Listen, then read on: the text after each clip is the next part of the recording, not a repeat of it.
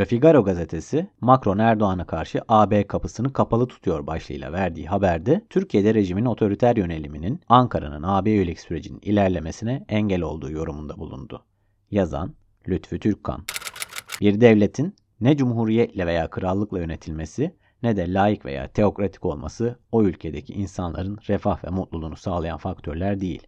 Tarih boyunca dünyanın her yerinde insanların refah ve mutluluğunu sağlayan tek şey iyi yönetim.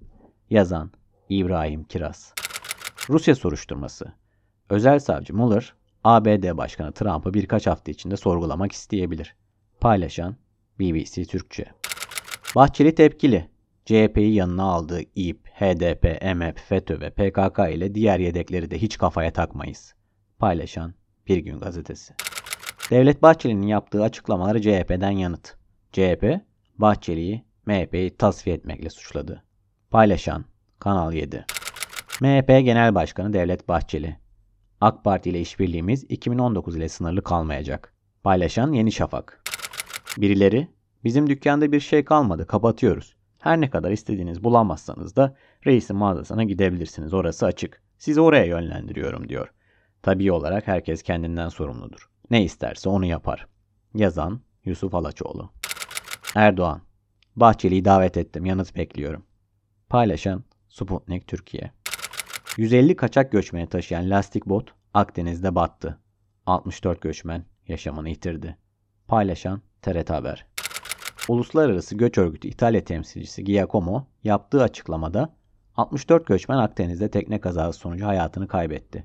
150 göçmeni taşıyan lastik botun batması sonrasında göçmenlerin 86'sı kurtarıldı, 8'inin cesedine ulaşıldı ve 56'sı ise hala kayıp dedi. Paylaşan Çapamak Moments. Türkiye Büyük Millet Meclisi göçmen merkezini inceledi. Şikayetlere cevap verdi. 5 yıldızlı insan hakkı uygulaması var. Paylaşan Grihat. Yapılan bir araştırmaya göre üniversitelerde okuyan gençlerimizin %73'ünün hayali yurt dışına göç etmekmiş. Bizim göçmen kuşlarımız. Umutların bittiği yerdeki umarsızlık. Yazan Ayperi Türkoğlu. Ölüyorum Tanrım. Bu da oldu işte. Her ölüm erken ölümdür. Biliyorum Tanrım. Ama ayrıca aldığın şu hayat fena değildir. Üstü kalsın. Hashtag Cemal Süreyya. Ve son kırlangıcı 28 yıl önce göç etti. Saygıyla. Yazan Zeynep Altıok Akatlı.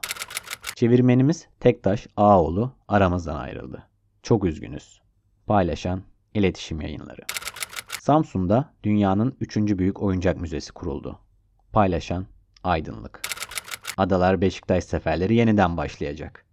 Paylaşan Artı Gerçek. 9 Ocak 2018'den derlenen tweetlerin sonuna geldik. Yarın görüşmek üzere.